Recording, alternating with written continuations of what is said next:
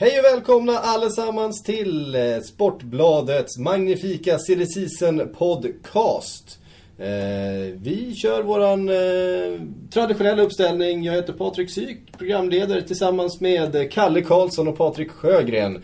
Inplockade från semestern igen. Någon som kanske kommer få ta semester snart är Daniel Majstorovic. Ja, vi tänkte börja Han har redan där. tagit semester. Han, han har mer eller mindre redan tagit semester. Vad, vi, måste ju, vi måste ju beta av här det som precis har hänt.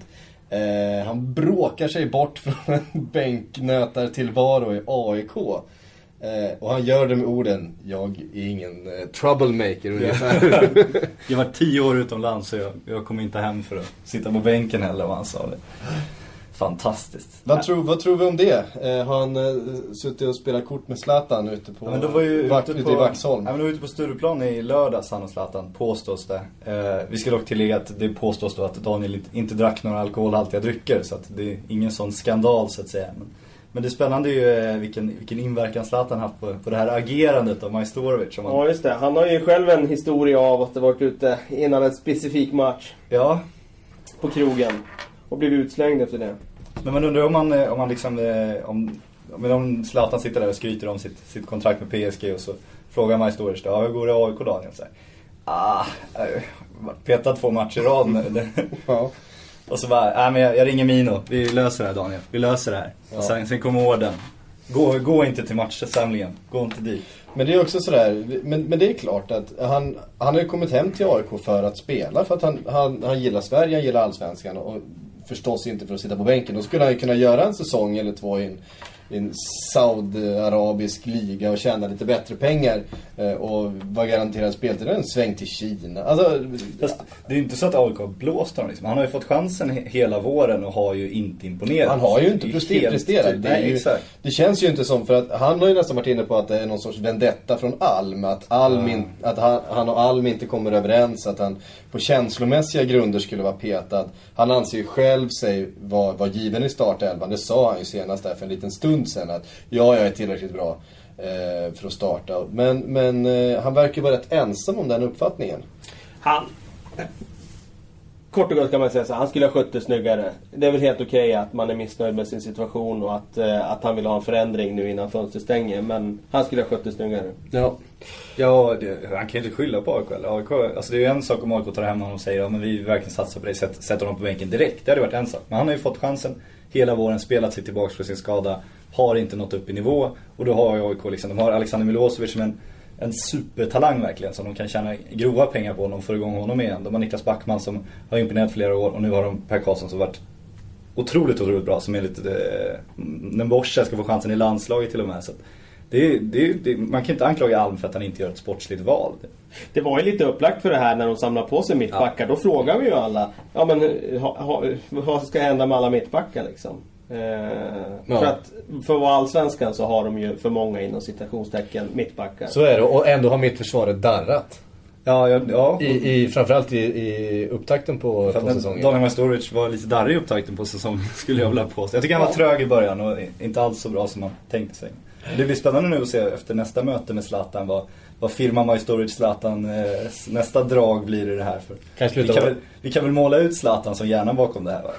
ja, det, Ja, det är din teori. Det är inte omöjligt. Men Nej, det är- jag, jag, när, jag, när du sa det där med Raiola och sådär så ja, det är nog inte omöjligt. Det är, man, man lockas av Ja, tanken i alla fall. Man vill tro Det det. ligger nära till hands. Han har ju ett CV som skulle kunna ge, ge honom en, en, en, eh, en lönepost någonstans i alla fall om han skulle känna för det. Så är det ju. Så länge ingen scoutar hans vår och hans uppförande i AIK nu. Ja, och hans skadehistorik. För att han har ju faktiskt Ja. dragits med ganska mycket skador de senaste. Ja, det var ju en allvarlig knäskada i alla fall. Ja. Ganska sent i, i karriären också. Han är inte Även. Celtic så drogs han ju med, eh, med en del skador. Så att eh, det har ju varit en ganska eh, tuff tid. Men svårt, För- för- Att, svårt att se vart han ska gå nu. Om han ska till Malmö nu då, om de vill ha honom eller liksom vad han har tänkt sig. För det, det, det är ju ont om storklubbar i Allsvenskan, om man ska kalla dem så. Och han kommer ju inte varva ner i öster om vi säger så. Det känns ju inte som Daniel Majstorovics plan riktigt. Nej. Vi får se vad som händer helt enkelt. Ja, vart Zlatan Eh, placerar honom. Vart Zlatan placerar honom. Vart, vart eh, finns det något annat som hänt i Allsvenskan som är värt att ta upp? Nej, Tystnad. var, nej precis. Nej men det är väl, inte, det är väl ingen riktig silly season i Allsvenskan just nu. Det är inga, inga som är riktigt på gång bort heller. Vi har För, inte men dem. då måste jag ju flika in att eh, vår eminente kollega Fredrik Jönsson som Ja. nu, Ops, där trillar mikrofonen. Eh, Det är för att vi inte ska prata om Fredrik Jönsson. Sen, sen Wenger-attacken. eh, ja, du får väl, du får väl eh, passa på och, och eh, Hugga tillbaks. hugga tillbaks ja. Ja. Nej, men Jönsson drog ju fram en, en, ett skönt rykte igår Ja. att, en, att en mexikansk U23-landslagsman var på väg till Allsvenskan. Eh, det, det, det kom väl inte så mycket utav det egentligen. Men han var eld och lågor och sprang fram och tillbaka så här. med, med telefoner och, och, och lappar och... och... Ja, jag kan, jag kan se hur Jönsson ränner framför mig riktigt. Ja, nej, men det är väl spännande. Jag vet ju inte, det är svårt att prata om den spelaren så jag inte har en susning om vem det är. Nej, tydligen så har, han, så har han då presterat i någon prestigefylld ungdoms eh, för, eh, i, i Frankrike där han blev utnämnd till turneringens eh, mest värdefulla spelare och gjorde eh, ja, 10 mål på 12 matcher eller något sånt där. Vilken klubb skulle det vara? Eh, jag hade Framgick pratat, inte, tror jag. nej det framgick inte. Eh, Ja, då känns det inte så intressant. Även om vi ska vi spekulera så kanske det kan ju vara någon agent som eh, tycker att ja, men allsvenskan är ett lagom steg för den spelaren och har Mm. ringt runt till diverse klubbar och då kan det mycket väl vara så att de har, har fått upp intresset och i alla fall scoutar honom. Det är, Och det kan ju, Allsvenskan kan ju vara en bra eh, resa för en sån spelare. Det har vi sett förut att, att eh, vi har haft brassar då framförallt. Eh, men även en och annan afrikan som har tagit Derek Boateng som en om, väg. omvägen via, via Allsvenskan för Ja, att ha en ganska framgångsrik eh, karriär. Waris Majed nu senast. Ja, precis. Eh, Afonso Alves. Afonso Alves. Eh, och så vidare. Ja. På tal om brassar. Så imponerade de ju i helgen när de eh, tog hem Confederations eh, låtsas-VM eh, på hemmaplan. Sluta såga turneringen nu. Efter Nej, men det är ju, det är ju en, ja visst det var, det var, det var fin fotboll. Det men det är, fortfarande, det är ju fortfarande så att, att eh, det läggs en dimension till nästa år när Det det, ska liksom spelas om, om eh, ett Men världsmästerskap. det är ett ro- Och de Förspel vet- kan också vara lite kul. Så- Förspel. Jag känner inte Säg till som det min där. flickvän brukar säga. Nej, det ska. Ehm, vad säger vi om brassarna? Du hade en fantastisk analys i din blogg, Kalle. Eh, Där du pratade om brassarnas eh, taktik, eller hur den påminde om Bayern Münchens. Vilka spelare därifrån? Paulinho, som ju har fått otroligt mycket beröm, sägs nu vara var klar för Tottenham. Eller han är klar. Ja, han är klar. För- för Tottenham. Vad... Vad- Tottenham har inte gått ut det, men... men eh, hans klubb i Brasilien, Corinthians, har bekräftat det. Han har bekräftat det och eh, det är väl bara i princip så att bläcket ska torka på, på det där kontraktet. Eh, det är ju den spelaren som har eh, överraskat mest eh, omvärlden med tanke på att alla inte hade koll på honom. Nej, han är ändå 24 år gammal och har gjort en, eh, några säsonger i brasilianska ligan och, och kliver in i, ett, i en sån här turnering och ett landslag fyllt med stjärnor förstås. Eh, och imponerar på det sättet han gör. Att, väl scoutat av Tottenham kan man ju tycka, men dåligt scoutat kanske utav eh, de flesta andra stora klubbar i, Jag tycker Europa. ibland att det händer just det där med att, eh, att eh, det kommer någon inhemsk spelare som får chansen i landslaget och sen får världen upptäcka honom. Jag kommer ihåg Cicinho till exempel i Confederations, jag tror det var 2005. Som var helt otroligt bra och hamnade i Real Madrid efter det.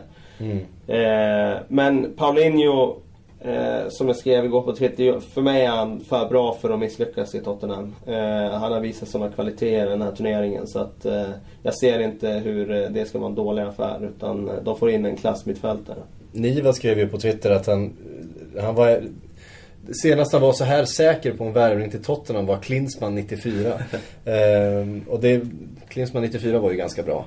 Ehm, så att, ja, han brukar ju faktiskt få rätt också Niva. Han är Ja, ju jobbig på det viset. Det är ju ingen spelartyp som alltså värvar du en, en teknisk ung brasse då kan du få en kille som inte, inte trivs i sin nya miljö, som kanske lever mycket på sitt självförtroende. Tappar han det så tappar han sin, sin förmåga att utmana och så här. Men det här är en kille som spelar på en position och ett spelsätt som liksom som vars kvaliteter inte försvinner över en natt om man säger så. Det är ju ganska tydligt att det här är, det är en riktig fotbollsspelare. Den enda frågan när det gäller Tottenham då, det är ju mer vad egentligen den här spelartypen de behövde. Eh, de är ju i större behov egentligen av en kreativ mittfältare. Men nu är de ju i alla fall ute och försöker... Eh, Det var ju inga, det var ju inga världsrekordsbud heller utan de, det var ju en, en ganska beskedlig slant de fick betala ändå för en spelare som nu verkar vara en världsklass eh, på sin eh, position. Ja, samtidigt har han ju inte, han har inte liksom testat Europa än, så man vet ju inte riktigt där. Och defensiva mittfältare kostar ju inte lika mycket som offensiva spelare. Så att det är väl de pengarna. Jag tycker inte det var billigt heller liksom, utan det var väl det man... Men det landar väl på ta. 170 eller vad vi pratar om. Mm. Någonstans där. Precis. Ska vi säga också. Ja, det ska bli intressant att se honom i Premier League i alla fall. Vi kan väl säga också att det känns som dealen var rätt klar innan turneringen också. Ja, det, det, har, ju, det har ju pratats om, om Absolut, Paulinho. och när de går ut direkt efter turneringen och presenterar det, då har man redan sytt ihop det. Så, Jo, den, var nog, den, den har nog varit klar länge. så priset kanske hade stigit lite om de hade Det hade det nog väntat gjort. efter Ja, det hade det nog gjort lite grann. En annan spelare som vi ju förstås har lite bättre koll på efter eh, framförallt åren i Frankrike. eh, Men som nu är i Italien är ju Fred. Som har fått stort förtroende i det brasilianska landslaget. eh, Trots många duktiga anfallskollegor. Så är det Fred som har fått starta matcherna. Och nu ryktas det om att Manchester City Eh, ska kliva in och, och, och plocka in denna målfarlige Eh, ändå ganska storvuxne eh, brasse. Vad tror vi om eh, Fred? Alltså då, då har man då sålt Balotelli, sålt Tevez eh, och plockat in Fred. Känns det som att man har rört sig åt rätt håll då verkligen? Det känns, det känns som ett poprykte det här. Som man kan säga att Fred är ju, han vände ju hem till Brasilien efter Frankrike. Det tyckte jag var lite, lite förvånande. Men nu gör han en bra turnering, Confederations Cup. Och direkt kommer det rykten om de här riktigt, riktigt stora klubbarna. Och det känns som det ofta är tidningarna som då, eh, oftast i England om man ska vara krass, som syr ihop de här. För att det är en kille som är i rampljuset. Folk känner igen det namnet och så säljer man lösnummer på det. Så jag är svårt att se att Manchester City skulle, skulle plocka Fred. Ja, jag har mycket svårt att se det också. Eh, däremot så sägs det ju att han ska ha någon utköpsklausul som ska vara väldigt låg. Alltså extremt låg. Eh, och det är klart att det kommer ju vara klubbar som är beredda att betala det efter den här turneringen. Men jag har svårt att se att City skulle köpa, köpa in honom för något annat än att bli liksom tredje anfallare eller något sånt där. där. Eh, jag tycker inte att han har allround-spelet för att eh, eh, vara ett första val i City. Klaus Klausulen kan man ju tro på då eftersom han, han lirar i Frankrike. Han var imponerad i Lyon. Och så hur, hur lockar man då hem en sån kille till Brasilien? Jo, du kan ge löftet då att om det dyker upp en riktigt stor klubb i Europa igen, då, då har vi ett fast pris, vi släpper dig. Så det är ofta sådana dealer man kan göra. Så det känns troligt. Eh, Citys anfall då, säg att det inte blir Fred då, som ni inte tror på. Eh, hur ska de eh, agera? För att de behöver ju värva forwards. De har nu Dzeko, de har eh, Kun Agüero. Ja, och Dzeko har ju varit på väg bort. Och Dzeko har ju eh, ryktats ett mycket bort. kring honom. Nej men alltså, Det det är klart att de Mario- Mario rycker. Gomez. Ja, Mario det, Gomez har det ja precis. Men han verkar ju vara på glid till Fior- Fiorentina. Så att, eh, jag har svårt att tro att de läser honom. Nej, alltså det handlar ju om att gå in tungt nu och göra det fort. För att Mm. sen stiger ju priserna. Men Cavani nu, om han går till Real Madrid eller Chelsea, ja men då är en av de här spelarna som som skulle kunna vara, eller som har varit aktuella, då är de borta. Då liksom höjs ju priset ytterligare på de få som är kvar där. Mm. Så att eh, det gäller att agera fort nu. Jag vill bara påminna alla att, att vi har en hunka på, på, på Cavani och att nu, nu ryktas det mer än någonsin om Chelsea. Du har Chelsea, vi har Real. Ja, jag har sagt Chelsea rätt länge. Ja. Ehm, vad finns det i övrigt då? Jovetic? Men är det inte lite... Ja, Jovetic finns ju och där har det ju liksom i princip känns som att det var klart med Juventus. Men det är ju inte det utan de verkar ju sitta och avvakta nu på vad han ska ta vägen innan de signar Gomes. Eh, så att eh, han finns. Jag tycker det är lite Luis Suarez läge också. För det finns den där, som det kallas, desperationen kommer ju växa hos City. Till slut växer ju desperationen så mycket så att de kommer lägga vilka pengar som helst i stort sett. Och då är det en sån klubb som skulle kunna lösa Suarez för någon, någon fantasisumma då. En Suarez som kommer vara avstängd de fem första matcherna. Ehm, och som säkert kommer vara avstängd några fler matcher under säsongen Ja, också. det får man väga in. Man, man får väga in det, att han spelar inte hela säsongen trots att han är skadefri. Det känns ju inte som det är på gång ännu men det känns som en, om det är någon som ska lösa Suarez så är det, det kan bli en sån desperationsdeal igen. En, en Fernando Torres-affär till Chelsea, en, en TVs till City, någon sån här lite. Kan bli spännande. Mm. Eh, Torres nämner han, han ryktas ju till samtliga klubbar i Europa just nu. Eh, Utom Liverpool. Ja, utom Liverpool förstås. Där, där, tror jag det, där tror jag det blir svårt eh, att, eh, att eh, ta sig tillbaks. Eh, Chelsea vill ju uppenbarligen inte ha kvar honom. Nej, det är ju, står ju ganska klart. Och där ser man ju också det här med agenter. Och jag menar, det, det, det är ju klart att agenterna häller bränsle på varenda rykte som finns för att eh, för att de ska få till någonting någonstans. För att det är ingen klubb som är så pass intresserad av Torres att de vill ta över den där lönen och betala de där pengarna. För att han kommer kosta mycket mer än vad han borde göra. Mm. Sett till vad han har presterat de senaste Guldsko, två, Confederations Cup. Ja, ja. typ fyra, fyra, fyra mål mot ja, Tahiti. Jo. Eller vad sa du? Han, han har, ja, precis, på det sättet har han ju bra meriter för han vann ju Guldskon i EM också. Ja. Eh, men som sagt. Eh, det, det lutar väl åt att det blir någon form av paketlösning. Med den anfallaren de till slut får in så kommer de säkert använda honom som, som eh, byt, i bytesaffär. Eh, mm. Och en massa pengar emellan förstås. Ja, precis. Vad tror vi om Fiorentina, Jovetic, Chelsea? Jag tror, jag tror inte Torres skulle gå till Fiorentina om vi ska få in bytesaffären. Nej, men, men eftersom, eftersom Cavani nu är på väg in till Chelsea så känns det som Torres kanske ska återförenas med Benitez. Det mm. finns, ju, finns ju många, finns ju många pusselbitar där som, eh, som verkar passa. Och jag tycker att om man ser Torres i, i spanska landslaget, tycker jag, där ser man fortfarande de kvaliteter han har. Så det är ingen ja, dålig och det har vi i ärlighetens namn sett också i Europaspelet i, i Chelsea. Ja. Att det, det finns, det finns klass kvar i, i, i, eh, i Fernando Torres spel. Eh, det gör det faktiskt. Man, just... man, ska inte, man ska inte håna honom för mycket. Nej, och just miljöombytet till landslaget, kanske där hemligheten ligger också. Att det, det, det kanske därför det inte fungerar i Chelsea. Det, det låser sig helt enkelt. När han kommer till sina gamla polare i Spanien. Så. Och kanske en, nytänd, en nytändning i Serie A. Ja. Eh, skulle, skulle kunna vara eh, någonting bra för honom.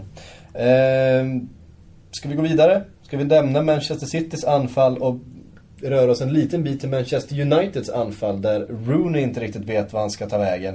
Eh, nu känns det väl nästan som det troligaste att han blir kvar. Eh, Nej, det vet du fan. Gör du inte det? Nej, det vet du fan. Ja, jag är musik här, jag tror också han stannar. Ja, ja okej. Okay. De ska ju ha möte nu. Ja. Moyes första ärende på bordet kommer ju vara att träffa Wayne Rooney och, och avgöra den här frågan. Eh, och eh, jag tror att det slutar med att han lämnar faktiskt. Eh, han vill ju uppenbarligen gå. Och eh, det beror nog lite på vad United kan få in istället såklart. Men eh, jag, jag, skulle inte bli förvånad om han, om han lämnar. Jag skulle inte heller bli det, men jag tror att Uniteds utgångspunkt tror jag att de fortfarande vill ha honom kvar. För de väntar ändå så här länge med att ta tag i det och eh, de, ja, men de, de borde agera tidigare om de skulle Men samtidigt ser man ju på de klubbarna som är ute och rycker igen och de transfer som nämns att det är inte alls hans egentliga marknadsvärde. Alltså de, de, de vill ju få han billigt nu. Eh, de vill lägga sig på liksom 20 miljoner pund och inte mer. Och han är ju egentligen, ska han ju gå för mer än så. Eh, han är trots allt fortfarande bara 27 år, ska vi komma ihåg. Eh, så att tror det handlar lite om att du säger att United inte har tagit tag i Jag tror det handlar om att det är ingen klubb som har lagt de pengarna så att det överhuvudtaget har blivit aktuellt. Jag tror ju att en sån klubb som PSG kommer att göra det innan sommaren är slut. Men jag tror de hade jobbat mer aktivt tidigare. Om de hade, om de hade haft utgångspunkten också att nu ska vi sälja Wayne Rooney så tror jag att de tidigare tagit det här mötet, tidigare börjat arbetet. För även som säljande klubb, det är inte så att du sitter och lutar dig tillbaka och väntar på bud. Utan du jobbar ju aktivt med att få ut Absolut, spelare. nej men jag tror inte att, nej precis, nej men jag, jag har aldrig trott att United vill göra sig av med honom. Jag tror det är mer spelaren som trycker på. Ja, men och hans agent. Och det är det som är, det är precis de indikationerna som jag tycker att man har fått den senaste tiden. Att Rooney verkar mindre benägen att lämna eh, nu än vad han gjorde för ett par månader sedan, eller i alla fall en månad sedan. Eh, det kommer mer att han, han vill inte den här eh, vad heter det, transferbegäran mm. eh, tvingade han ju United gå ut och dementera Sir Alex eh, uttalande där om att han skulle lämnat in någon transfer request. Ja, han var ju arg på att det kom ut överhuvudtaget. Ja, han, det var ju, och, och, nu, nu så påstås ju att han aldrig lämnade in någon utan att eh, Fergie helt enkelt ljög. Eh, sista, sista kniv mot Rooney, hämnden för det där tidigare transferbegärandet. Eh, ja, någon ljuger ju, så är det ju. Antingen har han gjort det eller så har han inte gjort det. Eller så har han sagt till, till Sir Alex att jag vill gå och då tolkar Sir Alex det som en transferbegäran och så menar Rooney att han ska faxa in något fysiskt papper för att Precis. det ska vara en transferbegäran. Det finns ju nyanser i allt kanske. Men han har ju också möjligheten nu och om, om det skulle visa att han stannar så har han en ganska enkel ursäkt. Ja men nu, jag trivs verkligen med nya tränare, jag tror på projektet. Det finns ju den möjligheten att säga någonting för det har ju hänt det har varit ett tydligt skifte i United som gör att han ändå kan, Mm. kan krypa tillbaks på ett lite smidigare sätt än förra gången. Men vad, vad eh, om vi nu utgår ifrån, nu är det ju långt ifrån klart att till exempel en eh, Thiago Alcantara Ja, snyggt. eh, kommer in. Men om han skulle komma in, vilket det, i alla fall jag tror känns ganska rimligt. Eh, det, det känns också som en deal som har pågått under ganska lång tid, en förhandling. Eh, både med, eh, med klubb och med spelare och agent. Så att jag tror United är väldigt nära att presentera honom. Känslan är väl att han kanske spelar United och Barca mot varandra för att jobba upp sin lön också lite. Ja, så, så kan det mycket väl vara.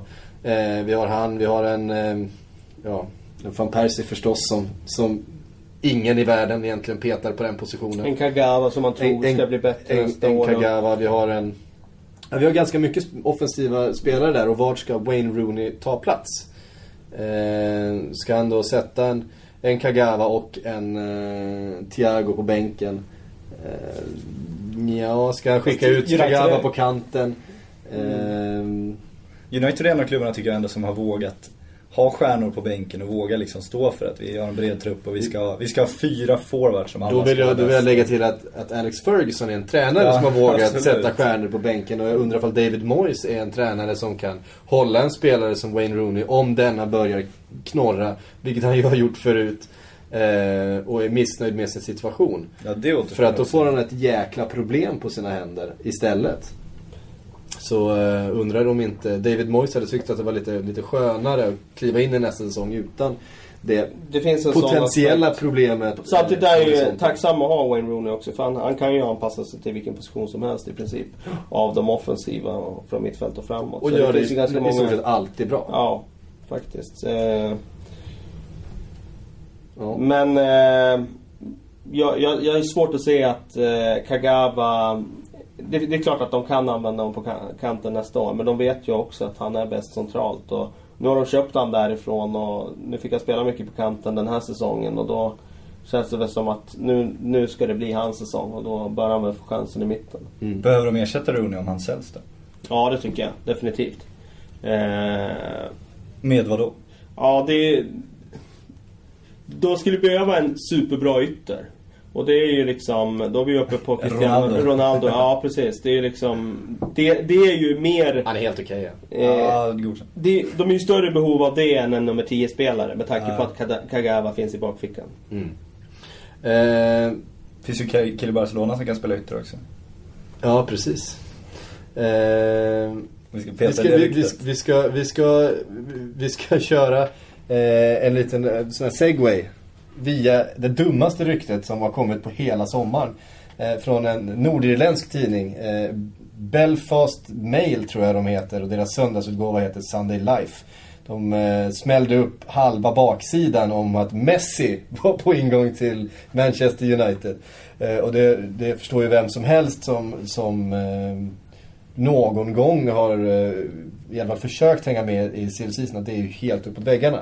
I alla fall intressant att en tidning väljer att trycka en sån sak. Jag älskar det. Jag läste, det var ju du som hittade det. Jag läste det nu innan vi gick in här. Och det roligaste var ju nästan ändå att Messi då är, är reservalternativet om affären med Cristiano Ronaldo inte löser sig. det, Då tar vi Messi istället. Ja, det. Nej, jättebra. Det låter som, någon, det låter som något skämt. Som, någon, De som, som, en, som en sportokunnig redaktör har tryckt ut vid fel. Det var en av grunderna var väl också det här Cruyff-citatet att han tycker att Barcelona kan sälja Messi nu eftersom de värvat Neymar. Han, han har ju ingenting med Barcelona att göra längre heller. Nej. Ja, det var en bra artikel tycker jag. Ja, underbart. Det är, det, är, det är silly season på antingen riktigt låg eller riktigt hög nivå beroende på hur man väljer att se det. Eh, och segwayen eh, är då helt enkelt att eh, Messi, det heter Iscos hund. Ja, det där är härligt. Är inte det fantastiskt? Den Real eh, färdige eh, Isco har döpt sin hund till Messi eftersom Ja. Messi är bäst i världen. Ja. Och hans hund också är bäst i Det är världen. min hund också. Fantastiskt. Eftersom eh, då Isco är åtta år gammal. Men Det flyger runt en bild också som påstås föreställa Isco då när han står och poserar i Barcelona-tröja också som ska ha några år på nacken. Men så, det kanske finns lite Barcelona-sympatier där någonstans. Tänk på det alla barn eh, som lyssnar på det här. Att när, ni, när ni väl blir signade till Real Madrid, era Barcelona-tröjor och bilder eh, när ni sprang runt på fotbollsskolan med Barcelona-tröjan. De får ni gömma. Får ni, får ni Eh. avliva hunden också. Exakt.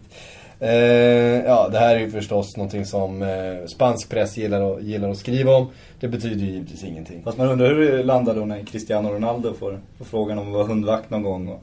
Han slänger, han slänger, hunden, slänger hunden i poolen. Jag har sett den, eh, det reportaget hemifrån en sån här hemma hos Cristiano. Ronaldo när han slänger sina förskräckta hundar i poolen eh, på ett mycket, mycket märkligt sätt. Det, det är ett av de konstigaste hemma hos reportagen som någonsin har gjorts. Den skräckslagna hunden kastas av en skrattande Cristiano Ronaldo i poolen. Ja, det är mycket, mycket Så konstigt. den hunden hette inte Messi alltså. Den, den, den, Vart, vart landar Messi-hunden då? den, den, den hunden skulle jag Lite säga hårdare kanske. Hette hund nummer tre eller någonting. Ja. Rätt många. Ehm, Isco som sagt, en av de mest lovande har ju varit talangerna. Eh, vi ska prata lite talanger i, i det här avsnittet för att Tottenham har ju nu ryktats gjort klart med två stycken kroatiska talanger för väldigt mycket pengar. Eh, alltså tonåringar som skulle då kosta tillsammans då de två någonstans runt 200 miljoner eh, kronor. Och vad, vad är det för snorisar egentligen som de har eh, tömt spargrisen för? Ja, det låter ju jättemycket pengar med 18 miljoner pund för två lirare från Dinamo Zagreb som många inte har hört talas om. Men just Alen Halilovic, han har ju faktiskt ansetts som en av Europas absolut största talanger. Eh, så jag är inte förvånad över att prislappen när det gäller han är väldigt hög. Han har ju kallats den nye Modric bland annat. Och den Eh, nya Messi. och den nya Messi också ja. Eh, återstår väl att se om man når den nivån. Men eh, att det är eh, en av de här talangerna i Europa som, som skulle säljas dyrt, det var ju ingen överraskning. Sen har ju Zagreb har ju också en historia av att sälja spelare för rejäla pengar. Jag menar Modric var inte gratis när han gick. Det var ungefär samma pengar för han. Han var ju såklart mer etablerad när han gick men... Och sen är den här Tin Jedvard som, eh, som jag har sämre koll på. Han är ju bara 17 år. Men ska ju ingå i den här dealen också då. Eh, Kan vara Allens kompis som får följa med för att underlätta flytten också. Eller? Sen är det ju lite det här med, med liksom, eh, FFP och det här med att eh, alltså det blir, priserna på unga spelare har ju höjts. Det har ju blivit liksom mer attraktivt att köpa in spelare tidigt och sen eh, fostra dem själva. Liksom. The Wenger style. Ja, det finns ju en fantastisk bild på Halilovic också när han mötte Zlatan i Champions League var det va? Han står och, och tackar Zlatan efter matchen. Vi gjorde någon rubrik, nej Zlatan det är inte bollpojken. Ja. För att han står ju där och når knappt upp till midjan Ja, på. Zlatan. Precis. Så fick han ju, han sa väl det, är någon reportage där med någon kroatisk tidning också att han, han, fick han var ju mer populär i skolan nu när han fick lira i A-laget där. Fick lite mer tjejer. och- Det var någon fin bild när han står vid svarta tavlan då i sin nästan en skoluniform kan man väl säga. Otroligt söt. Ja, det, det är fantastiskt att, att eh, jag menar 18 år. Mm. Det är inte mycket. Han Det är ser ut mycket att som vara kan 13 hända. också. Mm. Att, Eh, mycket som kan hända. Det ryktas ju också om att Arsenal är där och kretsar, cirkulerar som en eh, hungrig haj kring eh, den här affären. Redo att dyka in om ett kryphål skulle uppstå. Eh, för det här är ju förstås värvningar i Arsène Wengers smak. Han har ju gjort en riktig Arsene Wenger-värvning nu. Den här Yahya Sanogo som blev klar nu. När anfallaren. Det är ju en riktig Wenger-värvning. Och ligg dö. Ja, ens- boss, Mm. precis. ja precis. Bosman-värvning från Auxerre. Så liksom... Ja, bra stats där men har varit skadad mycket. Eh, så väldigt låg risk på den här affären. Det är ingen som kommer att säga något om han inte är ordinarie här inom två år för att han kostar ingenting. Men det är Men väldigt bra rykte. Jag tycker ändå det är ett namn som man liksom, jag Han känner har igen bra det kvalitet. flera Ja, ja, absolut. alltså. Bra kvaliteter. Mm. Eh, problem med skador som sagt som har hindrat utvecklingen och tar det där sista steget. Men eh, det finns ju en enorm uppsida där. Annars tycker jag annars att man överskattar unga spelare ofta. Det känns som många värvar unga spelare för, för sakens skull på något sätt. Att man betalar enormt stora pengar. Och den här långsiktigheten finns ju ofta inte i klubbar i vilket fall. Det är otroligt få klubbar som har en tränare kvar i, i tio år liksom. Ska du då vänta upp en spelare i tio år? Jag kan gilla de här klubbarna som ibland tar in någon 32-åring och mjölkar de sista åren redan och får ut otroligt mycket mer ur det. Kolla Juventus och Pirlo. Till exempel. Vad, vad, vad som Ja, händer där. Det är en av de bästa klubbar. värvningarna eh, Ja. som har gjorts i, i, Ja, den senaste- italienska ja, ligan de senaste fint. decenniet. Liksom. Och då plockar de in en, en spelare som mer eller mindre var redo för pension ansåg de flesta. Det italienska Eh. klubbar vågar ju ofta, Milan är ju ett klassiskt exempel på att ta in det äldre gardet så att säga. Och de vågar, de är inte rädda för det. Men det, Men det finns ju också en kultur där, där 35 inte är någon ålder. Eh, där man fortfarande anses ha flera bra år kvar. Eh, Vilket många också har då i Italien när de är Ja. 35. Kanske lite som vi pratade om eh, i förra podden, att det är lite lägre tempo. Mm. Helt enkelt. Man behöver inte ta lika många Ta lika många löpmeter per match som mittback till exempel. Men sen kan man ju tycka att man tittar lite väl mycket i passet. Om man tar en Kano som exempel. Om man nu påstås ju vara vadå, fem år äldre än vad det stod i passet och sådär. Om man, om man nu var det, låt oss säga det. Han var ju fortfarande lika bra. Men om han hade varit de där fem år äldre hade de ju aldrig köpt honom och, och låtit honom lira alla sägs, de åren. sägs ju liksom. samma sak om eh, Kolo Touré. Ja. Som ju då i passet är en dag yngre än vad jag är. Och jag är ju fruktansvärt ung och lovande fortfarande. Eh, nej men då skulle det vara någonting. 30, 30, 32 år. Eh, det går ju rykten om att han är betydligt äldre än så faktiskt. Att Ja. han fanns med redan tidigt 90-tal i, i eh, junior och land, juniorlandslagssammanhang och sådär i, i Men, men om man nu är det, det borde inte spela någon roll. För är, han är ju fortfarande precis lika bra på fotboll som han, Ja, som han är exakt. Man spelar pass, inte med sin liksom. ålder. Nej, verkligen inte. Eh, jag gav er två faktiskt en eh, liten läxa inför dagens På semestern. podd. Ja, jag är hemsk jag. Mm. eh, Och det var att ni skulle scouta fram vars en intressant eh, tonåring. Som eh, vi inte har pratat om då kanske. Eh, och som eh, det vill inte ryktas så mycket om men som man kan tänka sig har en ljus framtid. Och vi börjar med dig Kalle. Vad har du hittat för någon talang? Ja, jag trodde jag pratade om honom i podden. Däremot så nämnde jag honom i, när vi hade live-tv och snackade om Zlatans nya tränare. Den, eh, rapporterar från stranden där. Just Eh, Bra bild skulle vi säga. Sök upp den. Kanske vi kan lägga in i Det- bloggen en gång till känner jag. Det är alltså Lucas Ding från Lille som eh, är lite av en personlig favorit som har haft en enorm utveckling sedan han klev upp i A-laget och tog startplatsen där efter Beria som hade den tidigare. Han är eh, 19 år, fyller 20 senare i sommar. Har spelat i alla Frankrikes ungdomslandslag. Och eh, anses ju idag vara den, ja, en av de absolut mest lovande franska spelarna. Om inte den allra mest lovande. Det har ryktats om PSG. Eh, och du blev ju förvånad när, att, över att de värvade en sån spelare men eh, det är ju så att eh, ska man ha någon sorts fransk ådra i, i ett sånt köplag så ja, då är det ju bra att värva en spelare som har så här stor potential och förmodligen skulle kunna vara en startspelare i tio år framåt. Men så häromdagen så såg jag att, eh, eller igår var det väl, så dök det faktiskt upp rykte om att Monaco också är ute efter honom. Och de resonerar väl likadant. De kan köpa vem som helst i världen men det är inte så många franska spelare som kommer att inhandlas dit. Så att eh, ska de ha någon så, så kan det vara den här killen. Vi Otroligt spelskick. Ska de inte ha det? Ja, precis. Nej, de ha allt. Eh, otroligt spelskicklig. Eh, liten, snabb, teknisk, duktig offensivt. Eh, det finns eh, goda skäl att tro att han kommer vara en av Europas bästa vänsterbackar inom några år. Spännande. Vi håller eh, utkik efter honom. Patrik, vad har du hittat för? Eh, jag fuskar lite kan man säga. Ja. Nej, men vi har slängt ut frågan vad vi skulle prata om här idag, igår tror jag på Twitter. Och då var det en som undrade hur Adam Maher kunde gå så, så billigt till PSV. Och Adam Maher är en född 93 mittfältare. Spelade för AZ och har gjort fyra A-landskamper för Holland. Och eh, liksom Hollands nästa stora kreativa mittfältare. Det påstods att Ajax var ute efter honom nu som ersättare till Christian Eriksen men drog sig ur i sista stund. Vilket vi kanske kan, kanske kan dra någon slutsats att Christian Eriksen kanske inte är så, så nära Dortmund då trots allt.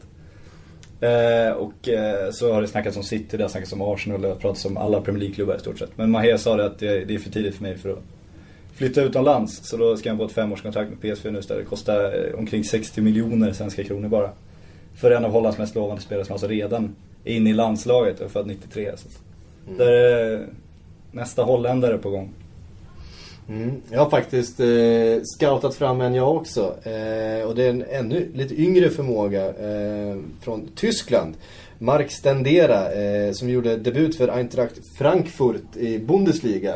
Bara 17 år gammal. Han hade faktiskt precis, ja bara någon månad innan fyllt 17 han eh, gjorde Bundesliga-debut. Då har vi pratat om vilken konkurrens det är i den ligan, hur svårt det är. eh, och ändå ett så pass bra lag, då, som Frankfurt, gjorde debut mot eh, Bayern München av alla lag. Har alltså varit nummer 10 offensiv eh, mittfältare i tyska U15, U16, U17, U18 och nu U19 då som 17-åring. Eh, så att en, en jättetalang från, från väldigt unga år, bara 1,71 lång. Alltså vad vi skulle då kalla en nummer 10 av eh, kontinentalt snitt. Eh, spännande spelare, ska vi se ifall, ifall han kan få fler chanser i Frankfurt den här kommande säsongen. Som sagt, han fyller, eh, fyller 18 i december. Det är alltid lite han är 95. orolig när, när det är så korta talanger. För min, min erfarenhet är att om du... Han kanske inte har vuxit färdigt än, han är Nej bara 17. men inte det utan men om du har en kille, om du, du, du är lovande när du är 13, 14, 15 där någonstans. Och vissa växer ju ett par decimeter och liksom tappar sin teknik lite men behåller sin fysik och kommer igen senare. Men de som ofta lirar i landslagen då är de som inte växer så mycket för de behåller ju all koordination, de behåller all teknik, de, de behöver liksom inte lära om så mycket. Så jag tycker ofta man puttar fram de killarna och sen kanske de förlorar lite i det långa loppet ändå. Jag, jag ser det nästan tvärtom. För jag tycker det är fler som liksom är bra i ung ålder för att de har fysiken. Mm. För att de är stora och sådär. Som tar till exempel, vi tar Niklas Bentner som ett exempel. Han är ju en sån som man... Jag såg han inte i den åldern, men jag utgår från att han, de såg allt i honom. För att han var väldigt storväxt, anfallare och tänkte att han, får han bara liksom rätt teknik och... Han var ju säkert jätteteknisk på den nivån då. Men kan han bara få det där sista liksom, då, då är han ju en världsanfallare. Nu är han ju Zlatan. Men sen kommer han upp till en nivå där när alla är A-lagsspelare och då har han inte lika stor fördel längre av sin storlek och sin fysik. Och då, då blir han avslöjad som att ah, han kanske inte var Danmarks största talang någonsin. Eh, som det ett tag hette. Ja, precis. Nej, men som sagt, Stendera är 1,71 lång och har då slagit sig in som offensiv mittfältare i, i Frankfurt. Eh, ja, han har gjort en match. Eh, så vi kommer ihåg. Men, eh, men, München. men, eh, men mot Bayern München och i Bundesliga och som sagt väldigt ung. Eh, har ni flera som ni har scoutat där hemma i stugorna så hör gärna av er på eh, hashtag Sillypodden. Så ska vi se vad vi kan gräva upp om dem. Eh, det är ju ganska spännande faktiskt med, med eh, unga lovande spelare. Jag tycker att eh, faktiskt en liga som Premier League har blivit mycket bättre på att eh, plocka upp eh, unga spelare de senaste åren. Har väl... Eh, Och köper ju alla unga spelare ikväll. Om man söker, Ja. om man går in och letar de här, letar efter lite unga Många, spelare många under 20, klubbar som har lagt ner mycket pengar på sina akademier. Eh, vet, City har byggt upp en, en väldigt stor akademi. Eh, sen finns det ju också ett lag som Crystal Palace som har en väldigt stor akademi. West Ham vet vi ju Mm. producerar mycket, mycket talang. Eh, så där finns det ganska gott om, om unga, lovande eh, spelare. Vi har väl eh, någon som eh, är på gång till Manchester United där också va? Eh, från, eh, nu tappade jag bort det. Vi struntar i honom. Eh, det flög ju huvudet på mig. Vi går vidare till en eh, spelare som var en, förstås en stor talang i Malmö FF en gång i tiden och som nu ryktas vara på väg till Monaco. Zlatan. Zlatan, ja, ryktas vara på väg. Bis- mest bisarra ryktet någonsin efter Efter Messi-ryktet. Messi till United. Ja, men det var ju framförallt brasiliansk media som skrivit eh, och hänvisat till en, en tyskspråkig eh, lokaltidning I Monaco. i Monaco-trakten där. Eh, fast de stavar tidningsnamnet fel. Okej. Men om man rättar till det tidningsnamnet så hittar man ju den här tidningen. Men då, den tidningen skriver ju inte en, inte en rad om det här på sin hemsida. Och då har de ändå lite sillrykten och de har lite sportnyheter. Så att eh, om, det kan vara så att någon, någon brasse kanske tycker, tror att världen är, är större än vad den är. Att det inte ska komma tillbaks och, och avslöja honom som har, som har lyckats leta rätt på den här tidningen och lagt eh, någon jävla pussel och hitta på. Att, ja, det man Vi kan säga- avfärda det ganska kraftigt i alla fall. Ja, det man kan Det är säga. klart Om, kan. om eh, Zlatan mot all förmodan skulle vilja gå till Monaco eftersom Mino har den här fighten med Laurent Blas agent eftersom Mino bor i Monaco och sådär så kan vi gå ner till då skulle PSG sälja sin, sin största profil, franska ligans skytteligavinnare till sin nya ärkerival.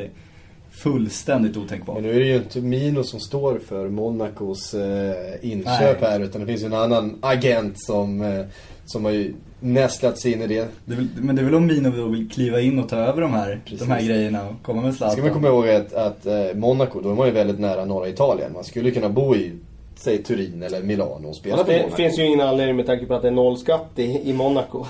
Då vill man ju vara bosatt Man där. kan, man kan skriva sig men ha ett hus i... Ja, jo. Eller han, Jo, men- har, han har väl säkert kvar ett hus i Milano som men jag att, tror att, Zlatan där han... att Zlatan skulle vilja spela i Monaco, det, det, kan man, det kan man kanske spekulera i. Men det återstår ändå, PSG måste ändå acceptera ett bud. Och det här är ett PSG som inte behöver några pengar alls. Och det, ska de då sälja sin största profil till sin ärkerival? Det, det går liksom Nej, det inte. går inte. Vad skulle Zlatan då spela inför 5000 eh, hemmasupportrar varje, varje vecka? Ja, då har han till och med svårt att skryta, även för Majstorovic. Att, Ja, precis. Ja, det, är, det, är, det är nästan Rambergsvallen-siffror på, på Monacos hemmasnitt. ja. Nej men PSG Nej. kommer ju kommer ju Det aldrig... kommer aldrig hända. Nej. Vi vi har viktigare saker att snacka om tror jag. Ja, Kalle känner sig stressad. Eh, för då, då. Ja, jag känner mig lite stressad eftersom det, tiden alltid tar slut för oss och vi har massa annat att snacka om här. Så är det. Eh, därför tänker vi eh, vända blickarna mot Spanien. För jag vet att du, Kalle, eh, gärna skulle göra en liten repa till lagen under eh, Barca Real som vi pratar väldigt mycket om i, i alla poddar och skriver mycket Och där har inte hänt så mycket heller nu. Nej, så det det, finns inget att säga om dem. Men det finns en massa andra ro, Ja, roliga, Vi intressanta kan göra en drive i Spanien då med tanke på att vi kanske har snackat lite mindre om dem då. Och eh, när det gäller just, eh, vi kan väl börja i Sevilla. Eh, så har det inte hänt så mycket in. Det är Marco Marin de har fått in på lån från Chelsea. Och det är ett ganska stort frågetecken kring honom med tanke på att han han avslutar ju inget bra i Werder Bremen. Eh, och var ju redan då eh, på väg, hans formkurva var ju på väg neråt. Eh, satt mest på bänken i Chelsea den här säsongen och ja. Känslan är väl att La Liga är väl kanske en bättre liga för han än Premier League då kanske. Kanske kan få ett lyft. Eh, det, det det handlar om utåt, det, det, det är ju mest där då. Det är ju, Ne- Negredo är ju ett stort frågetecken. Det ryktas ju att han eh, är på väg bort. Presidenten Nido har ju lovat fansen att han inte ska sälja honom för underpris. Så det är väl där vi står där. Eh, Bra löfte. Ja, det... sant. Blir han kvar? Ja. Det vet vi inte, vi ska inte sälja honom för. Sen, sen är det väl Rakitic då, som eh, kan försvinna också. Mm. Eh, om vi går vidare till Atletico Madrid då så har de ju tappat Falcao, det är den stora händelsen den här sommaren. Men å andra sidan gjort en bra värvning i ben, Beniat. Eh, De har ju fått lite pengar att leka med då, Ja, det har de ju fått. Samtidigt så gick ju många, det ska vi verkligen betona, att mycket av de där pengarna för Falcao gick det ju till den här tredjepartsägaren, de här investerarna.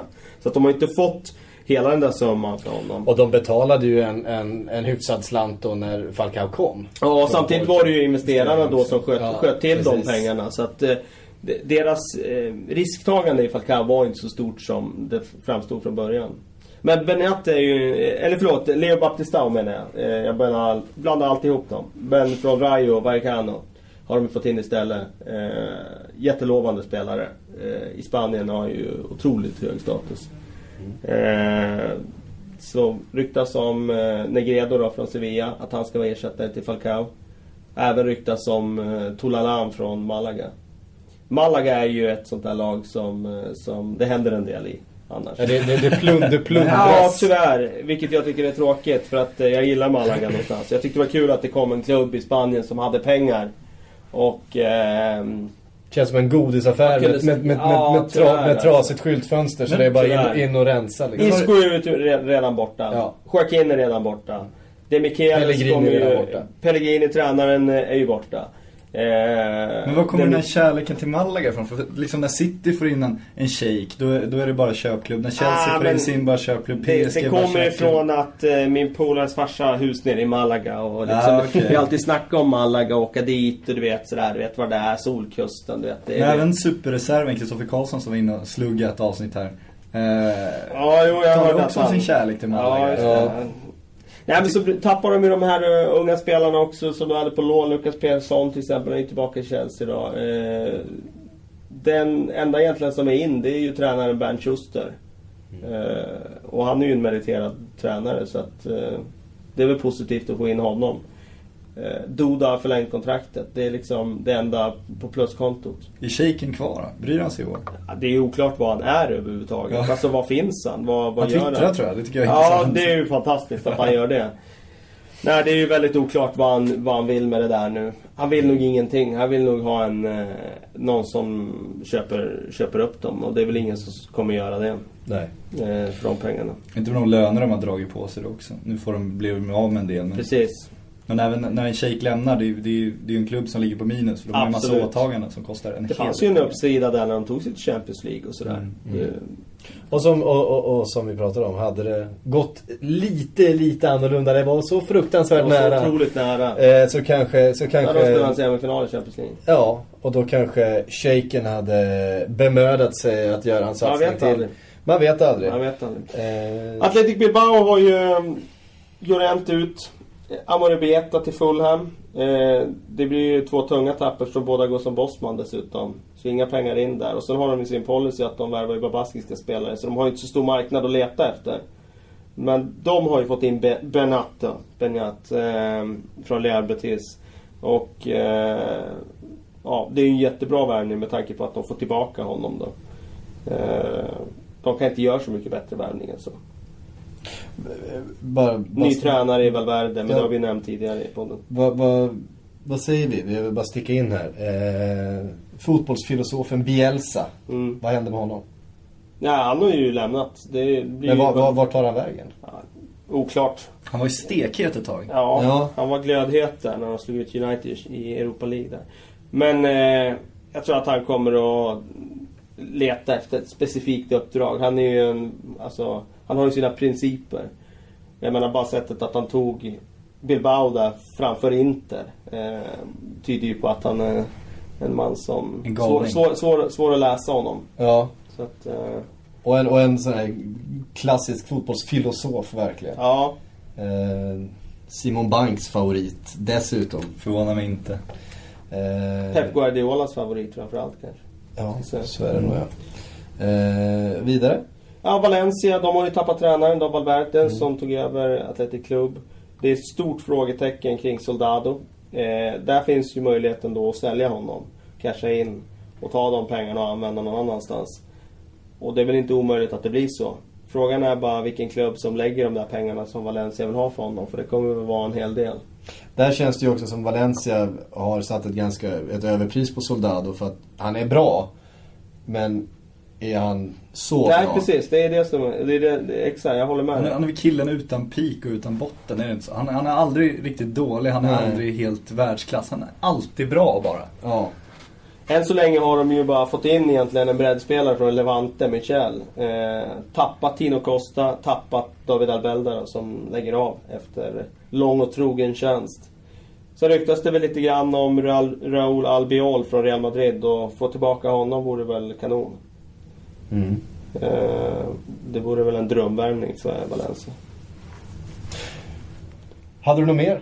Spanien? Nej, det var det. Sociedad, men det, det händer ju inte så mycket i Sociedad. Det är ingen som är klar in utan eh, alltså, de har ju byggt så mycket på sina egna talanger från egna led. Så att jag tror att de kommer fortsätta göra det. Svenskar i Spanien Vi har ju Daniel Larsson. Jag vill ju se vad som händer med Olof Mellberg nu, vart Zlatan ska lägga honom. Vår nya Precis. superagent Zlatan Ibrahimovic. Är det någon paketteam med Daniel? Eller ska han ersätta Som i ju, stor som ju faktiskt kanske? skrev upp i... Tog ju med sitt Zaragoza. Men har inget kontrakt. Eh, Upp i... eh, Förlåt, vi, vi är... Ja, vi, vi, vi är Real, Mm. förlåt. Eh, Men kommer lämna dem. Med gode Mellberg. Ja, Ja. vi får se vad som händer. Vi får se vad som Zlatan får gå på Stureplan med honom också. Ska vi ta en vända? Vi har ju inte varit alls i Italien idag. Vi har varit en liten vända i Fiorentina möjligtvis. Eh, någonting nytt som har hänt där? Ja, det är- inte det är- mycket va? Det har varit Honda pratas det om till Milan. Keisuke Det jag är Honda är... Spännande om är- de, om de får ihop den dealen så är det, det är en av mina såna favoritspelare som inte riktigt har Ja men som flydde den stora europeiska scenen för att göra pengar i Ryssland. Han har ju otroligt höga tankar om. Och, Ja, samtidigt Ja. man, som VM då var ju helt fantastiskt där Ja. i några matcher. Och det var egentligen då hans marknadsvärde var som högst. Och då, då flyttade han ju alltså han tog ju inte det där steget till någon större det är li- ju- i då liga. släpper de ju inte en sån kille heller. De Nej, men då fanns ju möjligen alltså, möjligheten att gå till de allra största klubbarna. Men eh, nu känns det som att han har blivit lite bortglömd där i Seska. Så vi har ju sett exempel på att Ryssland, det, går ju inte att lämna ryska klubbar i stort sett. Det, har ju är väldigt Willian svårt. Och, Svårt. det är ju svårt för de, de behöver inga pengar som sagt. Så att Sen är, det, sen är han ju en, en, verkar vara en väldigt speciell karaktär. Det var ju ett ord som Majstorovic använde om sig själv. Eh, lite felaktigt kan jag tycka. Fast det är ju, är ju Eh, Milan-receptet där. men- Men, speciell karaktär. Han, är, han börjar bli lite till åren. Han har kanske, många tror att han nått sin peak. Det är, det är ju då Milan köper spelaren. För att eh, jag har en, en, en kollega som var och skulle träffa honom i, i Moskva för, för ett par år sedan. Han var stekhet då efter, efter VM. Eh, och får sin intervju och de sitter där. helt plötsligt så kommer en, en, eh, en kvinna med en, eh, med en tallrik med mat till, eh, till Honda. Eh, och det var liksom, de satt på ett hotell och hon var inte från hotellet liksom. Då visade det sig att han äter bara mat från en specifik restaurang. Och vid vissa tider på dygnet. Så att de kom, det kommer leveranser. Vart han än är i världen så kommer det leveranser från den här restaurangen till Honda. Ehm, och ja, någon budfirma då som budar då, vad det nu var för någon japansk mat då. Så han verkar ha lite, lite... Ilandsproblem. Lite, lite udda, udda. Ca- Cateringnotan till Milan då kanske blir tuffare att hantera än lönen. Ja, det, typ, bara- det sa någonting om vad det var för, vad det var för snubbe liksom på något sätt. Att han, och mitt under intervjun, nu är det dags för mig att äta. Mat och sovklockan har ringt. Och nu kommer den här, en, en, eh, en vanemänniska utav eh, helt vansinniga mått på något sätt. Eh, Men en, artist förstås. Och en, en spelare som Otroligt det har ryktats om hur många år som helst. Som, som ändå blir kvar i, i, i Moskva. Men man älskar de här profilerna. Om vi, om vi ska gå till My Story så måste vi göra lite reklam för det tv-klippet vi har idag från, från AIKs träning när vi, Therese Boster, vår reporter, står och intervjuar Niklas Backman. Och det är lite tryckt stämning, det är en, det är en känslig situation för AIK. Och, och Backman står och pratar om, om att Majstorovic då, och dömer ut hans agerande och har gjort fel och sådär. Och då kliver Martin Mutumba förbi träningsstället, ser hur han går förbi bakgrunden gör man. Sen helt plötsligt så börjar, börjar smattra bredvid Backman då. Alltså Martin Mutumba smugglar med sig några smällare i sitt träningsställ som han då kastar mot Niklas Backman under tv-intervjun. Ja, snart på aftonbladet.se om ni vill se det tv-klippet. Ja. För att det är ganska roligt faktiskt. hjälte han är. Ja, han är, han är udda. Vår Keisuke Honda kanske man kan säga. Vår, ja, AIKs Keisuke Honda. Allsvenskan tänkte jag på då. Men Ja. jag säger vår. Precis. För att han spelar ju faktiskt för Uganda. Ja, exakt. Eh, och Bara det är ju värt en, en underbar profil. Eh, har vi fått någonting via Twitter som vi har glömt att ta upp? Ja, jag skickade inte ut mesta, någon, va? skickade inte ut någon sån här fråga. Ja, en om- hel lista, vi hade ja. så mycket ämnen själva den här gången. Vi skulle ju snacka om engelska mittenlag också. Precis. Eh, vad finns Det var egentligen det som jag hade förberett mig mest på Ja. att snacka om. Så att, Kör eh, jag hårt. hoppas vi hinner med det. Ja, vi strök det. Nej, men vi hinner. Absolut. Nej men vi har väl inte varit där. Det, det har väl inte hänt så... där, Liksom, det är inga kanonvärvningar de har presenterat som Det är förra Swansea, sommaren det är med... Swansea som har... eh, Ja men det är de har ju inte löst dem än. Nej. Som med Boney. Utan det har ju bara varit rykten. Eh, Jag menar förra sommaren så small det ju till när, eh, när Southampton bara dundrade ut eh, 16 Gaston miljoner Ramirez, pund, ja. pund för Gaston Ramirez. Det har inte varit någon sån värvning än. Men Fulham har ju varit aktiva. De har ju ändå säkrat marken Stekelenburg från Roma. Eh, och Mark Schwarzer nu kommer ju att lämna och det var ju dags för ett målvaktsbyte där. Jag tycker inte Schwarzer har varit så bra de senaste två säsongerna. Så att det känns eh, hälsosamt att, att göra en förändring där. Sen har de ju löst Sasha, då, från Köln. De hade ju han på lån den här säsongen. Och där har det ju ryktats, det pratade vi om i förra podden, att Schalke var ute efter honom. Mm. Vi får ju se om de kan behålla honom då. snackas ju om att Sunderland ska ersätta Mignolet här också med eh, Manone va? Ja, exakt. Stämmer. Eh, Men jag har inte lämnat Fulham än. Nej. Eh, du kommer alltid in på Liverpool. Någonstans Nej, jag pratade Sunderland och, och Arsenal här. Ja, just det. Ja, det är bra. Eh, jag tänkte att du skulle slänga in vi- på vi- Liverpool efter min var- Nej, det var, på det var, väg. det var mål, målvaktskarusellen Ja, som jag, som okej, jag Ja, men vi kommer på. till Sunderland Vi sen. kommer till Sunderland, ja. Eh. Amori Beta klara för Fulham. Eh, sen snackas det ju även om eh, då att ehm, eh, Naden Petric kommer ju försvinna. Karagonis kommer försvinna. Mamadou Diarra kommer försvinna. Det är rätt många sådär där kontraktet går ut och de inte har förlängt dem. Så att eh, det kommer vara stor omsättning i Fulham. Och det känns väl också vettigt för att det känns som de stod och stampade det här år. Swansea har vi snackat om tidigare faktiskt. Mm. Det finns inte så mycket mer att säga där. Mer än att John Joe Shelby, nu är vi inne på Liverpool här. Musik. Eh, Fantastiskt. Eh, de har bekräftat intresse för honom. Ja. Det snackas om övergångssumma där på 5 miljoner pund. Och, jag menar för Swansea är det en vettig värvning. Liksom. Ja. Men ändå kött på landslagsspel, även om det kanske var eh, lite tidigt. Ja, ja men om vi nu var inne på talanger och sådär. Han var ju en, en eh, supertalang verkligen. Han, Han slog, när han, när han slog igenom i Charlton och Mm. var bara 17 år gammal och, och dominerade. Samma sak när han var utlånad till, till Blackpool ju, var han ju fantastiskt bra. Men har inte fått till det i, i Premier League. Ett kittlande rykte är ju West Bromwich då, som är ute och rycker efter Nicolas Anelka. Han har supertalang. Ja, kan vi verkligen snacka supertalang. Eh, återstår väl att se vad det blir av det, men eh, det är väl inte omöjligt att han skulle eh, återvända till Premier League. Och det verkar ju på gången som, vi såg The Guardian idag var ute och, och, skrev om det. skrivit om ja, men The Guardian är också en av de, de vill, jag påstå den med mest tyngd efter BBC i, i brittisk press. Det, det är väl också det enda laget i Premier League som han inte har representerat än. Så att han har väl, Ja, han har väl ett, ett, ett kryss Ja, men bocka det, det är där. väl lite så. Däremot släpper de ju faktiskt Sontangera, vilket jag tycker var lite konstigt. Han var ju skadad, eh, skadad stor del av den här säsongen. Men när han spelade i början av säsongen var han väldigt bra. Så att eh, jag hade trott att han skulle få Ja, hemska minnen från hans eh, Jo. dunder eh, Mål i premiären. slägga i premiären mot Liverpool. Ja, Det fortfarande stod sig som ett av eh, årets mål ja faktiskt. jo men det var en jävla slägga. eh, även att den inte utsågs till det, men det var en fantastisk träff han. Märkte vi hur Liverpool kom in igen där? Mm. Ja, men det, det är ångest. Det är ju ångest. Man kan inte värja sig för den. Everton eh, har ju en ny tränare i Roberto Martinez och jag blir lite oroad faktiskt för att nu är han och rycker efter eh, flera spelare i Wigan. Det snackas om eh, Aruna Kone, eh, Antolin Alcaraz. Och de spelarna var ju jättebra den här säsongen. Alcaraz eh, var ju skadad men när han spelade var han jättebra. Kone var ju en succévärvning.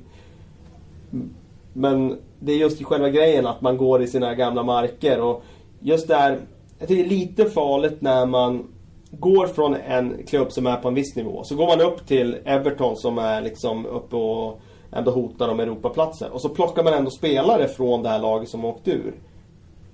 Alltså, Mm. alltså värvar du spelare från en lägre nivå då, då kommer din klubb till slut att hamna på en lägre nivå. Precis. Sen säger inte jag att det är fel att värva de här två spelarna.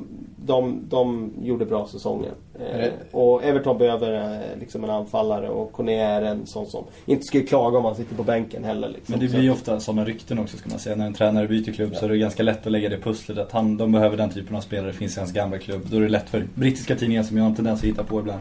Att lägga ihop Absolut, men jag tror, inte alltid jag, jag tror att det här är... eh, det finns substans i de här två ryktena. Mm. Det som är kanske mer av ett rykte då, det är att de är ute efter Joel Robles. Ja. Wigans målvakt. Och de släppte ju han Jan Muka, eh, andra målvakten Så att eh, de kommer ju värva en andra målvakt Everton.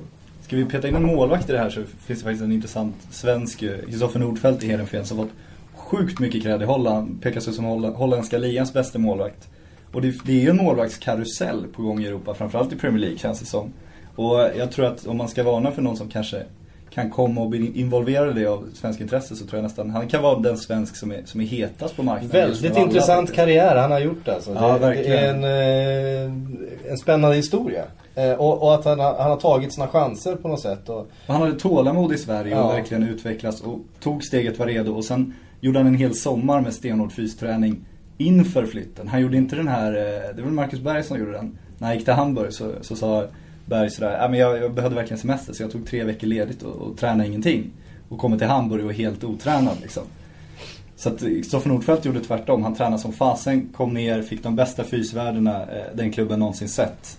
Och har gjort en kanonsäsong. Så han är, han är nog, om det är en svensk som kommer gå på i någon större affär andra posten i Everton är ju inte så jävla dum. Det enda Nej. problemet där det är att Howard står ju varenda jävla match. Mm. Han är ju en sån som brukar stå st- 38 matcher per säsong. Det var ju ett undantag i år nu när Mokka faktiskt fick chansen att stå Mm. någon fight.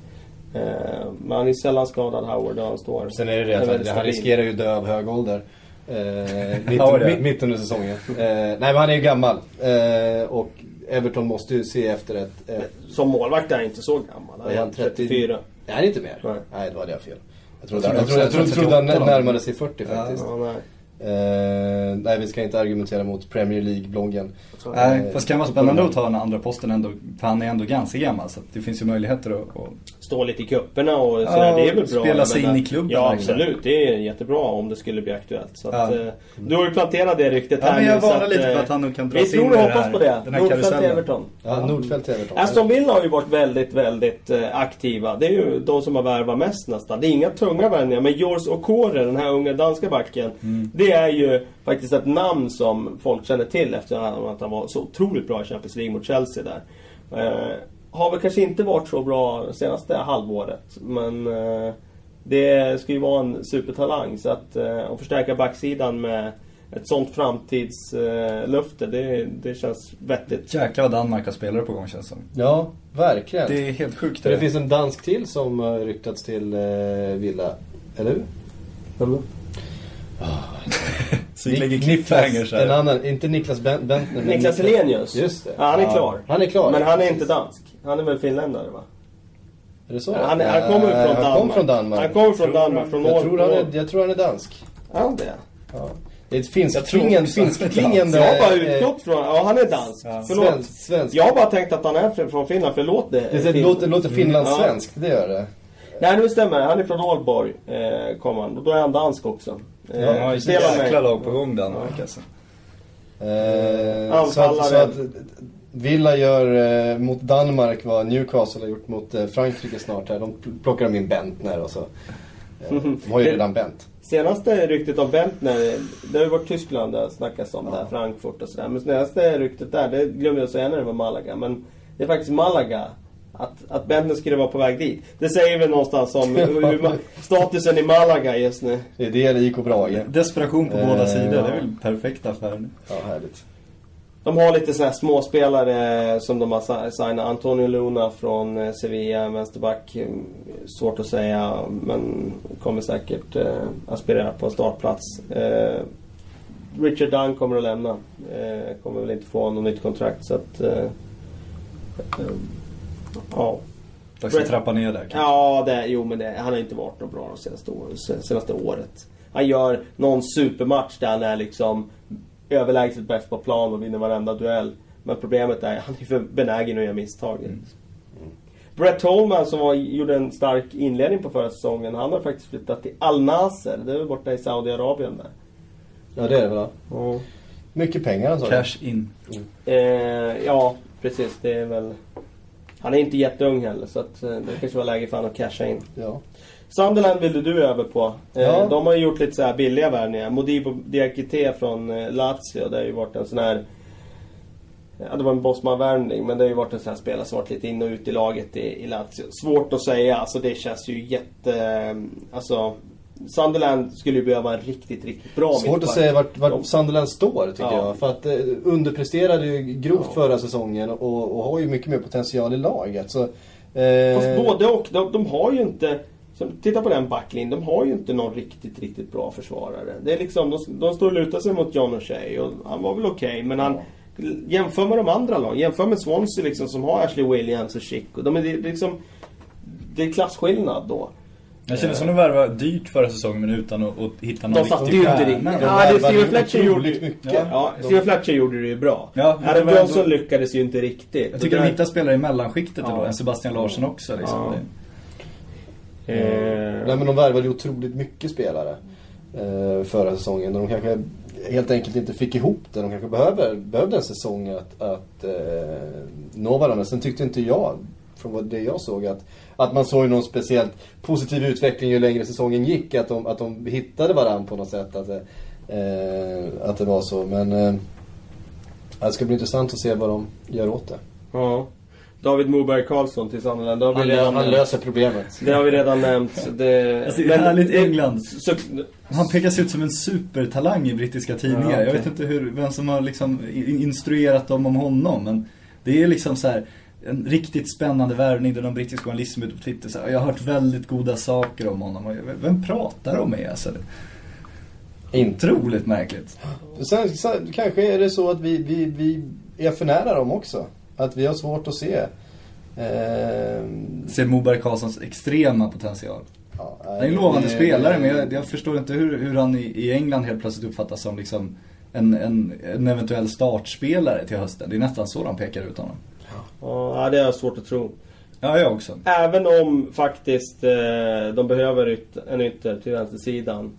Och James McCarthy var ju så... Eh, eh, James McLean menar jag, var ju så otroligt dålig den här säsongen. Så att det finns eh, en lucka där men det är svårt att säga att, att han ska gå direkt in där. En, en klubb som faktiskt har gjort en bra värvning, riktigt vettig värvning, det är Sa-15. För det de saknar var ju egentligen en mittback av klass. Och de fick ju faktiskt Dejan Lovren nu från Lyon som är en ganska ja, meriterad värvning för en sån klubb. Eh, så att, och de har fan, de har en bra offensiv. Eh, med Ricky Lambert, Jason Punch, de är jättebra centralt mittfält med Schneiderlind och Cork. De ser intressanta ut faktiskt. Eh, nu har de fått in en bra mittback också. Och så har de Yoshida som är underskattad. De har Fonte. De lär ju skicka iväg Hojfeldt. eh, och eh, alltså Shaw vänsterback. Eh, eh, Klein högerback. Det, den där startelvan börjar bli riktigt bra nu Southampton. De mm. håller på att bygga något intressant. Och de har ju pengar också så det kan, kan bli någon mer tung värvning där. Vad säger vi om Gaston Ramirez säsong då? Nah. Som ju klev in och, och ryktades till eh, helt andra klubbar. Eh, valde Southampton. Eh, har väl inte riktigt levt upp till prislappen och till hypen. Nej. Det får man säga. Glimtvis har han eh, Har ju faktiskt också jättebra spelat ur sig Uruguay, Uruguays startelva. Eh, där han ju var eh, gjuten innan. Startade vi inte nu Confederations Cup. Eh, Ja, någon, någon, match spelar från start, tror jag. Men inte, inte, lite, lite inte, inte garanterad. Eh, som han var innan, han var ju väldigt hypad. Eh. Sågan gjorde vissa jättebra matcher, men sett över hela säsongen så var han en besvikelse. Samtidigt så hittade de väl ett sätt att, att klara sig utan. De gjorde bra matcher när han inte lirade och då var det svårt att ta tillbaka platsen och sådär. De visste inte riktigt hur de skulle använda honom riktigt. Mm. Ja. Det var genomgången i England. Det var en, en mat, matig och fin. Ja, ja, det, det har inte hänt så mycket i de andra klubbarna nej. så det är därför vi inte pratar om dem. Det, det är väl faktiskt så. Eh, West Ham kan vi nämna. Andy Carroll in. Rasvan Ratt. Eh, vänsterback in. Adrian värvar en målvakt också och släpper Carlton Cole. Mm. Men jag menar vi har pratat om Andy Carroll tidigare så att det finns inte så mycket mer att... Kan man prata tillräckligt om Andy Carroll? Går det? Ett fenomen. Ja. En, en extremt omodern fotbollsspelare. eh, men det är skönt att det finns eh, utrymme för, även för en eh, lång, skäggig, långhårig, lätt alkoholiserad kille från eh, från Newcastle. Man ska, ha, man ska ha killen som slänger smällar, man ska ha killen som tar catering, vart han än befinner sig. Men man ska nämna en annan, en annan övergång, den vi snackade om här precis innan vi gick in Patrik. Ja. Chris Samba, från QPR ja. till Hansi Maharskala. De köper tillbaka han ja. för 12 miljoner pund. Hmm. Så det, jag tror till och med kan vara så att QPR gör en liten, liten, liten vinst där. Men nu tänker Chris Samba, han åker till, till Anchi, han för att tjäna pengar från början mm. kan vi utgå ifrån. Sen kommer han tillbaks till Premier League. Och sen tillbaks till Anchi, alltså kände han nu hade han slut? Inget, nu liksom. hade han inget val för att det var bara en klubb i världen som skulle kunna ja. liksom ta över den där lönen som han fick liksom och det var ju bara Anchi liksom. Så att Just. i det här läget nu tror jag inte han hade något. Nej, liksom. märkligt. Med det så tror jag vi stänger butiken denna tisdag. Eh, ni når oss förstås på Twitter via hashtag Sillypodden. Ni kan följa oss. Eh, jag heter Patrik Syk. Kalle Karlsson heter Kalle Karlsson och Patrik Sjögren heter Sjögren Patrik. Ja. Eh, för att han är som han är. Det är lite speciellt. Tills nästa gång, på återhörande.